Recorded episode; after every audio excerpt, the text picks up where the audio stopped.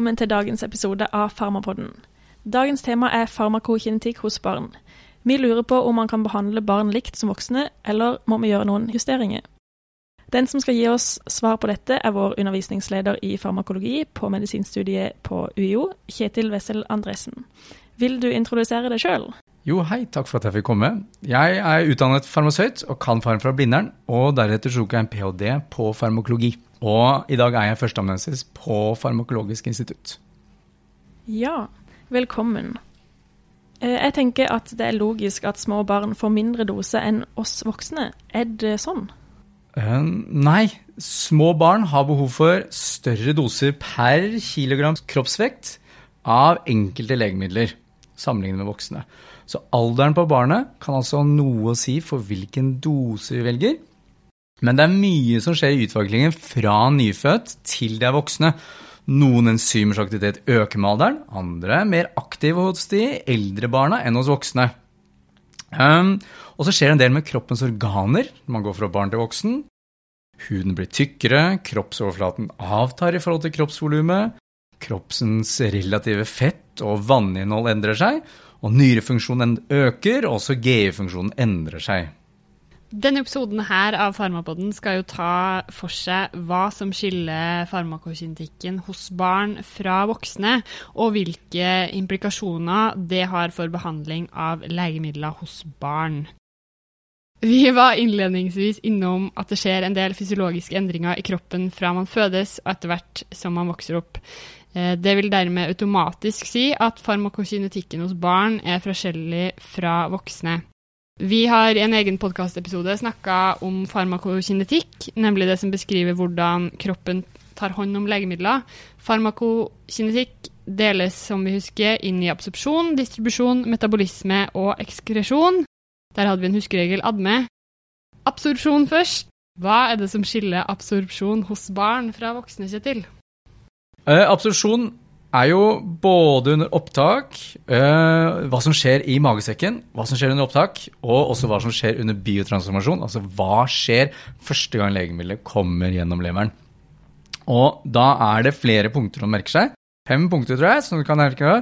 Først så er det dette med syreproduksjonen. Først legemiddelet havner ned i tarmen, nei, ned i magesekken. Så er det jo slik at nyfødte har jo da redusert syreproduksjon i magesekken. Så har vi da noen legemidler som brytes ned i magesekken av mye syre. Så vil si at de er syrelabile legemidler. Og der er en del viktige legemidler til barn. Vi har en del antibiotika. Ampicilliner, oxycilliner, erytomyciner, som er syrelabile. Dvs. Si at de brytes ned i magesekken. Så vanligvis har vi jo tatt høyde for det, og så gir vi da høyere dose, sånn at vi regner med at noe av det blir ødelagt i magesekken. Så da får du problem hvis du tar høyde for det hos nyfødte som har lav syreproduksjon. Og Dermed skal de ha lavere dosering, fordi de har mindre nedbrytning av legemiddelet i magesekken. Det viktige her er at uh, du må passe på doseringen på ulike alder og vektklasser. Uh, og da bare slå opp i felleskataloget for å finne ut hva slags dosering skal du ha det legemiddelet. Ta høyde for det. Ok, så hvis jeg forstår det riktig, så vil legemidlet som normalt brytes ned av syre hos nyfødte få økt opptak og serumkonsentrasjon fordi nyfødte har lavere syreproduksjon i magesekken? Ja, det stemmer. Ok. Men når er det syreproduksjonen er normalisert? Ved hvilken alder? Eh, det er jo lite data som beskriver dette nøyaktig, og spesielt hos barn. Eh, men vi kan tenke oss at det er redusert i null til tre måneder gamle barn og så øker det gradvis med tiden. Så det vil si at du må tenke på forskjellige doseringsintervaller i forskjellig aldre hos barn. Ja, eh, men kan man utnytte dette på noen måte, f.eks. å gi innhold i kapsler til spedbarn? Vi vet jo at enkelte medikamenter normalt gis som kapsel, sånn at de ikke brytes ned i magesekken. Um, hvis kapselen er designet for å løse seg opp i tarmen, så er det teoretisk mulig å gi innhold i kapselen. Eh, men ofte når vi gir innhold i kapselen til barn og løser det opp, så er det for å, for å, lette administrasjonen, så det er vanskelig for barn å svelge kapselen, og heller at innholdet løses opp i yoghurt eller en mikstur eller et eller annet for, å, for at de skal administrere det. Eh, du nevnte at det var fem punkter som var verdt å merke seg, som skiller farmakokinetikken hos barn fra voksne. Vi har vært innom ett. Eh, hvilke andre har vi? Jo, det neste er jo da Under opptak så er det da mindre P-glykoprotein. Eh, dette er jo et protein som prøver å hindre visse legemidler fra opptak. Litt sånn uspesifikt prøve å kaste de ut, så at de ikke får tatt de opp. Og dermed så kan vi få høyere biotilgjengelighet av noen legemidler som ikke pumpes like mye ut av P-glykoprotein. Dette P-glykoprotein er jo ikke bare i tarmveggen, det er jo også i hjernen, som hindrer at legemidler ta, uh, enkelte legemidler tas opp i CNS. Eh, og dermed så kan man da få en akkumulering av legemidler i eh, CNS, som normalt ikke er der hos voksne. Har du noen eksempler på hvilke medikamenter man, det er spesielt viktig å tenke på her? Et legemiddel som har blitt undersøkt veldig mye, er loperamid til bruk hos barn. Fordi loperamid, som da er en my-reseptoragonist, som vil da hindre eh, motilitet i tarmen, har jo veldig høy eh, affinitet for P-glukoprotein. Og det jo, beskytter jo da mot opptak, eh, sånn at vi får en lokal effekt i tarmen. Og veldig mange har undersøkt om redusert P-glukoprotein har effekt, eh, kan gi en effekt av loperamid, altså gi myopireseptoraktivering i CNS hos barn. Og det ser ut som at det er få holdepunkter der. Det de tenker der, er at loperamid vil da bli tatt opp, vil få en, få en um, fordeling i kroppen, og kan da gå over i CNS, og kan da gi uh, opiatlignende effekter. Det ser ut som det er få holdepunkter for det, men det er en teoretisk mulighet for det. Det er veldig mange som har undersøkt det. Viktig altså å huske på det. Eh, jeg tenker også på at kroppsoverflaten, eh, relativt til vekt, da, avtar jo med alder. Hvordan vil det påvirke legemiddelbruk? Hos barn er jo kroppsoverflaten veldig stor i forhold til vekten. Så hvis du behandler et stort område på kroppsoverflaten, så kan du få større risiko for å få systemiske bivirkninger, fordi du behandler et stort område som da kan gi stort opptak. I tillegg til det så er jo hudtykkelsen tynnere hos de for tidligfødte og de nyfødte. Slik at hvis du gir en krem eller salve, så er det mye større risiko for systemiske effekter hvis man tar store kroppsarealer. Så da var vi ferdig med tre punkter. Hva er de to siste?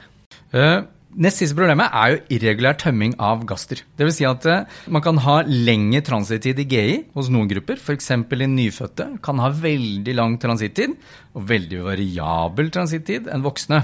Vil si at du kan få en forsinket eh, absorpsjon i tarmen. Mens de litt eldre barna, f.eks. ett til tre år, de har jo kort transittid i tarmen enn voksne. Og dermed så kan de ha redusert opptaket i tarmen. Og dette er spesielt viktig for depotpreparater som krever langvarig absorpsjon fra tarmen. Det siste punktet er jo da tarmfloraen. Og hvis det er små barn som ikke har utviklet god tarmflora, så må vi da være, være, tenke på de legemidlene som brytes ned av mikrobiomet i tarmen. De får da eh, mindre eliminasjon av de legemidlene. Ja. Har du noen eksempler på legemidler her? Eh, et legemiddel som hos voksne brytes ned av mikrobiomet, er da digoksin, som da er avhengig av mikrobiomets metabolisme av det stoffet. Ja. Ok, så for å oppsummere kort, så har vi spesielt fem punkter som er verdt å merke seg når det gjelder absorpsjon hos barn sammenlignet med voksne. Og det er at eh, det er redusert syreproduksjon i gaster hos nyfødte, sånn at de får økt opptak av syrelabile legemidler, og dermed trenger lavere dosering. De har redusert mengde P-glykoprotein, som gir økt biotilgjengelighet av legemidler som normalt skulle blitt pumpa ut av dette proteinet. Og den relative kroppsoverflaten i forhold til vekten avtar med årene, så ved lokal behandling er det større risiko for systemiske bivirkninger. Og det er en irregulær tømming av gasser. fra null til ett år så er det forsinka absorpsjon, mens ved ett til tre år så går eh, denne tømminga veldig fort, så da kan du få et redusert opptak av legemidlene. Sist, men ikke minst, så er tarmfloraen litt eh, forskjellig, så medikamentet som trengs å brytes ned av mikrobiomet, får et lavere opptak hos barn. Hvordan man administrerer et legemiddel, er jo da sentralt når vi snakker om absorpsjonen. Du var akkurat innom hud og tarm, og vi har jo hos noen barn også mulighet til å velge om vi vil gi medisinen peroralt, som inhalasjon, tablett osv. Eh, hva er egentlig vanligste administrasjonsmåte hos barn, Kjetil? Eh, jo, som hos voksne kan man jo velge ulike administrasjonsformer hos barn. Og mye av det er jo avhengig av barnets alder og hvor villig det er til å ta medisinen. Og de eh, mindre barna så er det jo veldig vanskelig å gi legemiddel som tabletter eller kapsler, og da er det mye mer vanlig å gi det som en mikstur. Så den vanligste administrasjonsformen er jo å prøve å, å gi det som en mikstur, som da er mer tiltalende for barnet. Hvilke medisiner finnes som mikstur? Kan, man, kan alle medisinene gis i den formen? Eh, det er jo slik at det er jo ikke så mange legemidler som er registrert som mikstur. Men de legemidlene som brukes hyppigst i barn, har en miksturformulering hvis det er mulig å få det til.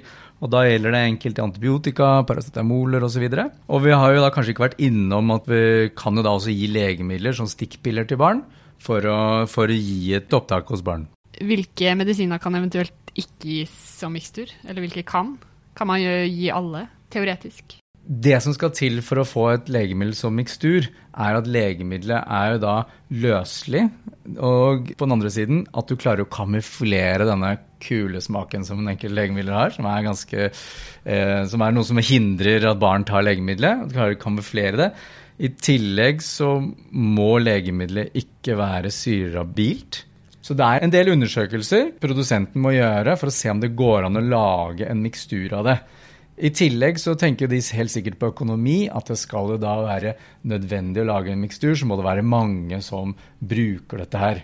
Så uavhengig av det, så er det jo mulig å foreskrive legemidler som mikstur, finne, finne et annet marked som har det som mikstur, hvis det er noe du skal bruke spesifikt til veldig mange barn. Ikke sant. Vi går videre til distribusjon, eh, for vi var jo også innom at barn har en annen kroppssammensetning enn voksne. Vanninnholdet er i forhold til kroppsvekta veldig stort hos de minste, mens fettinnholdet er dobbelt i forhold til voksne hos fire-fem måneder gamle barn. Hva gjør det med distribusjonsvolumet, og hvordan påvirker det halveringstida av legemidlet? Hos de minste barna er det veldig stort vanninnhold i forhold til kroppsvekt. Det betyr at eh, hydrofile, disse legemidlene som elsker vann, de har et veldig stort distribusjonsvolum. Og hvis du tenker på eksempler da, så er det penicilliner, cefalosporiner. Så får de et stort distribusjonsvolum.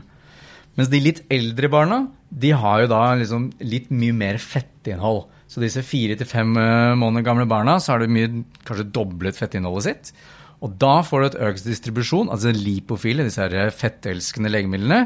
Og da må du tenke på legemidler som anestesimidler, sedativa, hypnotika, legemidler som vanligvis distribueres i fettvev og CNS.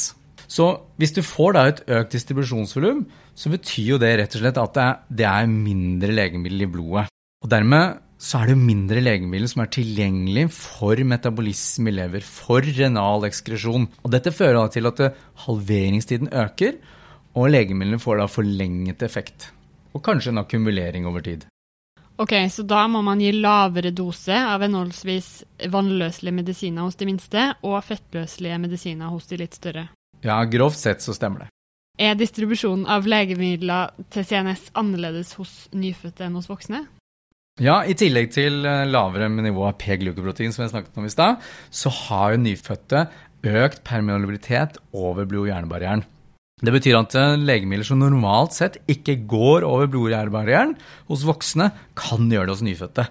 Dermed så kan de få økt konsentrasjon av legemiddel inn i CNS. Og denne permobiliteten den øker også ved hyperosmolaritet, slik som ved dehydrering. Og det er jo ikke helt uvanlig hos syke nyfødte. Så for å oppsummere distribusjon, kroppssammensetninga hos barn avviker fra de voksnes. Hos de minste så er vanninnholdet størst, og det betyr at de her vil ha stor distribusjon av hydrofile legemidler. Mens hos de litt større er fettinnholdet størst, og det gir økt distribusjon av lipofile legemidler. Og man bør være obs på at noen legemidler går lettere over blod-hjernebarrieren hos barn eh, enn hos voksne. Vi går videre til metabolismen, det tredje punktet i farmakokinetikken. Vi husker at her gjøres fettløselige legemidler mer vannløselige, sånn at de kan skilles ut bl.a. i urinen. Og det skjer i to faser.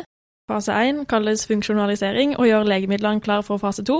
hvor selve den vannløselige gruppa hektes på. Og fase 1 er det hurtighetsbestemmende trinnet, og er derfor det viktigste. Her er det hovedsakelig SYP-enzymene som gjør jobben.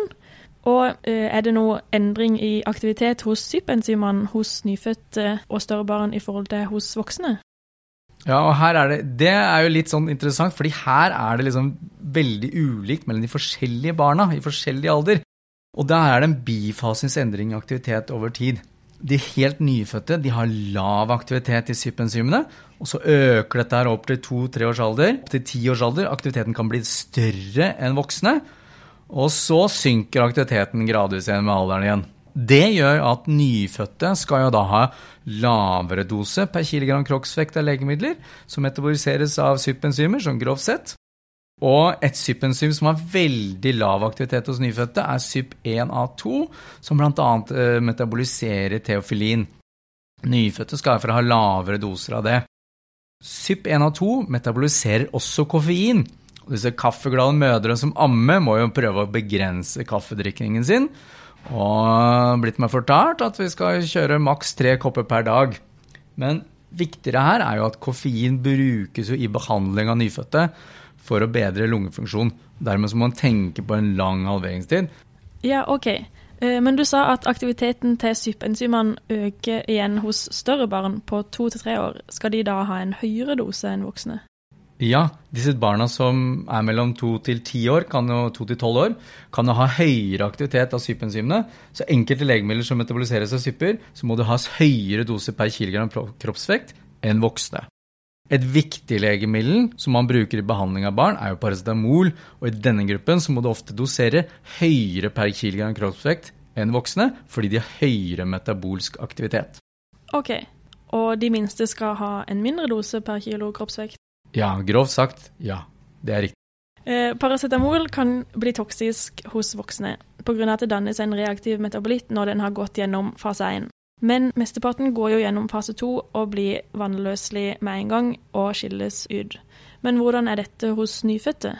Paracetamol er jo pga. lavere sypaktivitet mindre toksisk, sånn at de nyfødte har mindre toksiske metabolitter av paracetamol. Men litt av problemet der er jo at paracetamol vanligvis elimineres ved glukronering. Men de har lavere aktivitet av det enzymet. Men da er det et annet enzym som har en sulfatkonjugering av paracetamol, som sørger for at selve paracetamol blir eliminert. Så Paracet er ikke noe mer farlig hos nyfødte enn hos voksne? Nei, det er jo ikke mer toksisk hos barn enn voksne, faktisk mindre toksisk. Så du kan gi det til barn. Ja, men jeg føler vi ofte unngår å gi Paracet til barn ved f.eks. feber. Når kan jeg vite når det er indisert å gi Paracet? Vi er litt mer restriktive på å gi paracetamol ved minste temperaturøkninger, men her er jo pediatriveilederen veldig god å ha med seg, så da kan dere slå opp i den. Ja. Vi må litt videre. Vi har hørt at steroider barbiturater induserer sypenzymer, særlig SYP2C. Eh, hvilken betydning har det her? Det stemmer. Steroider og barbiturater induserer SYP2C, som metaboliserer bl.a. antibileptika, diazepam og propanolol. Og når vi sier at aktiviteten til SYP2C induseres av disse legemidlene, så betyr det at enzymet blir mer aktivt, får flere enzymer, og de metaboliserer raskere de legemidlene som metaboliseres av den. Dette er jo da viktig, fordi vanligvis har jo barn veldig lav aktivitet, de minste barna i hvert fall, av SYP2C. Så hvis de tillegg går på legemidler som induserer SYP2C, så får du da en stor metabolisme av de legemidlene Sånn at du kan få lavere effekt av legemidler som metaboliseres gjennom SYP2C. Og enkelte legemidler vi har her, er jo da diazepam mot kramper. Og så enkelte antiepileptika som metaboliseres av SYP2C. Men den her antiepileptikaen eller en annen medisin som metaboliseres av SYP2C, kan vel også være et prodrug som må metaboliseres for å virke. Eh, hvordan blir det da når vi induserer flere syper? Jo, for et prodrug så vil det jo være motsatt. Hvis det er flere syper tilgjengelig for å omdanne til den aktive metabolitten, så vil du få høyere grad av omdannelse til den aktive metabolitten. Eh, Kodin er jo også et klassisk eksempel på prodrug som omdannes til aktiv morfin ved CYP2D6. Eh, Her har vi hørt at man må være ekstra obs på kvinner som ammer. Kan du forklare eh, mekanismen bak det her? Kodin er jo et prodrug som omdannes til morfin, som har da effekten, og det er da CYP2D6. Og Problemet med CYP2D6 er ikke at det er så veldig induserbart av enkelte legemidler.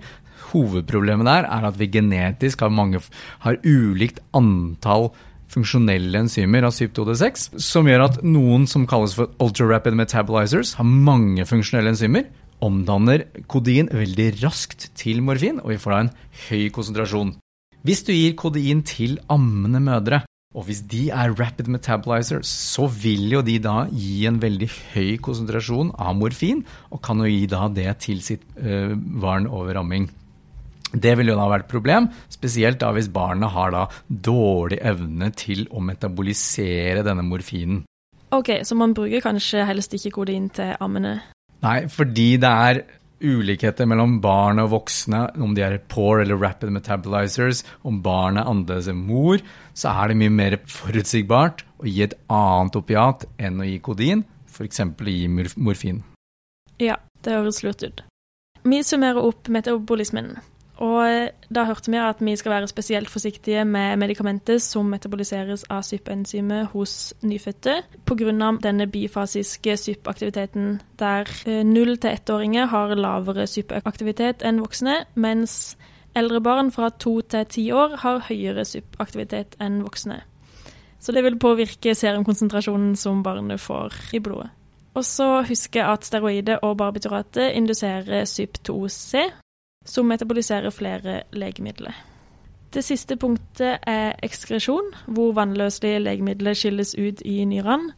Vi vet at nyfødte har mindre utviklede nyrer. Og hvordan vil dette påvirke halveringstida og utskillelsen av legemidler, Kjetil? Fordi de nyfødte ikke har fullt utviklede nyrer, så har de da redusert GFR. Og det vil gjøre at halveringstiden til de nyfødte er veldig lang. Og legemidler da får da mer langvarig effekt, og kan da få høyere serumkonsentrasjoner hvis du ikke tar hensyn til det. Og GFR vil jo da øke opp til ca. ett års alder. Og disse her så vil jo kanskje GFR faktisk være høyere enn hos voksne i forhold til kroppsvekt. Og barn, og litt eldre barn spesielt, vil ha kortere halveringstid av enkelte legemidler som skilles ut over nyrene. Og Det gjør at disse må da få økt dose, eller doserer med mindre doseringsintervaller. Så kort oppsummert, null til ett år. Halveringstida er lengre enn hos voksne, så det her gir lengre doseringsintervall. Mens fra ett til ti år så er halveringstida kortere enn hos voksne, og man trenger kortere doseringsintervall. Vi har vært gjennom mye, men er det noe på slutten her, som du vil si angående medisinering av barn? Er det noen utfordringer sammenligna med voksne? Jo, formulering er jo noe vi snakket om under administrasjon. Så det kan jo være veldig vanskelig å få til barn til å ta medisiner, og spesielt da tabletter. Og miksturer er jo da gode alternativer. Men et av problemene er at de fleste medisinene smaker forferdelig. Men miksturer kan jo tilsettes smak for å kamuflere den dårlige medisinsmaken. Men det er jo ikke alltid man lykkes i å kamuflere det. Så kan du få veldig dårlig compliance eh, hos barnet pga. smak. Når det gjelder compliance, så er det jo ikke alltid det er så veldig lett for foreldre til å tvinge på barnet dette legemiddelet, eh, som da smaker skikkelig ille. Og da må det være vanskelig for noen foreldre å håndtere og gi legemiddelet til barna. Andre sykdommer kan også påvirke legemidler. F.eks. via diaré så er det en høy hastighet gjennom tarmen. Du vil få lavere absorpsjon og fare for dehydrering også. Så da må man tenke på det med tanke på blir da legemiddelet tatt opp. Noe annet er jo at barna kan ha få oppkast. Og på Rikshospitalet så har de veilederen sin som sier at hvis barnet kaster opp innen 15 minutter fra de har fått en dose, så gir de en hel ny dose. Er det mellom 15 til 30 minutter at oppkast skjer, så gir de en halv dose. Og etter 30 minutter, nei, da gjør det ingenting. Da tenker man at gaster har tømt seg. Ok, det var jo en grei eh, huskeregel.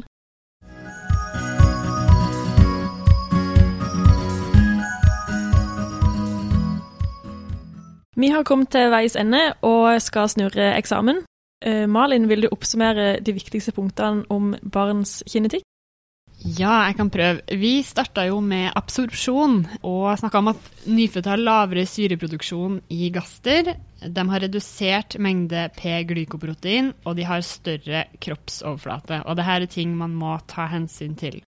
Distribusjonen, der var vi også innom at kroppssammensetninga hos barn er forskjellig fra voksne. Vann- og fettinnholdet forandres gjennom livet, som påvirker distribusjonsvolumet av hydrofile og lipofile legemidler. Ekskresjonen Vi vet at nyfødte har ikke fullt utvikla nyrer, og dermed lavere GFR og lengre halveringstid. GFR er normal, eller som man tenker lik som voksne, da, ved seks måneders alder, og faktisk blitt økt i forhold til voksne frem til tiårsalderen. Og til slutt, kanskje viktigst, man kan ikke gå og huske alle de her detaljene, og det er veldig mye nyttig informasjon i både Felleskatalogen, legehåndboka, pediatriveilederen osv.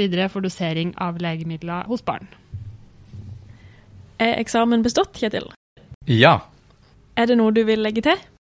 Jo, det dere ikke nevnte, var jo den nettsiden som heter Legemidler til barn, som er en veldig god ressurs for da mm, legemidler til barn. Ok, takk for tips. Dette gjorde iallfall oss litt klokere på hva vi må huske å tenke på når vi får skrive medisinen til barn, så tusen takk, Kjetil, for at du ga oss en oversikt over spesielle pediatriske aspekter i farmakologi. Har du som lytter noen tilbakemeldinger eller spørsmål til oss, eller noe av det vi gikk igjennom i dag? Ikke nøl med å sende en mail til oss på farmapodden alfakrøllgmail.com, og du finner oss òg på Facebook og Instagram. Takk for at du hørte på. Ha det!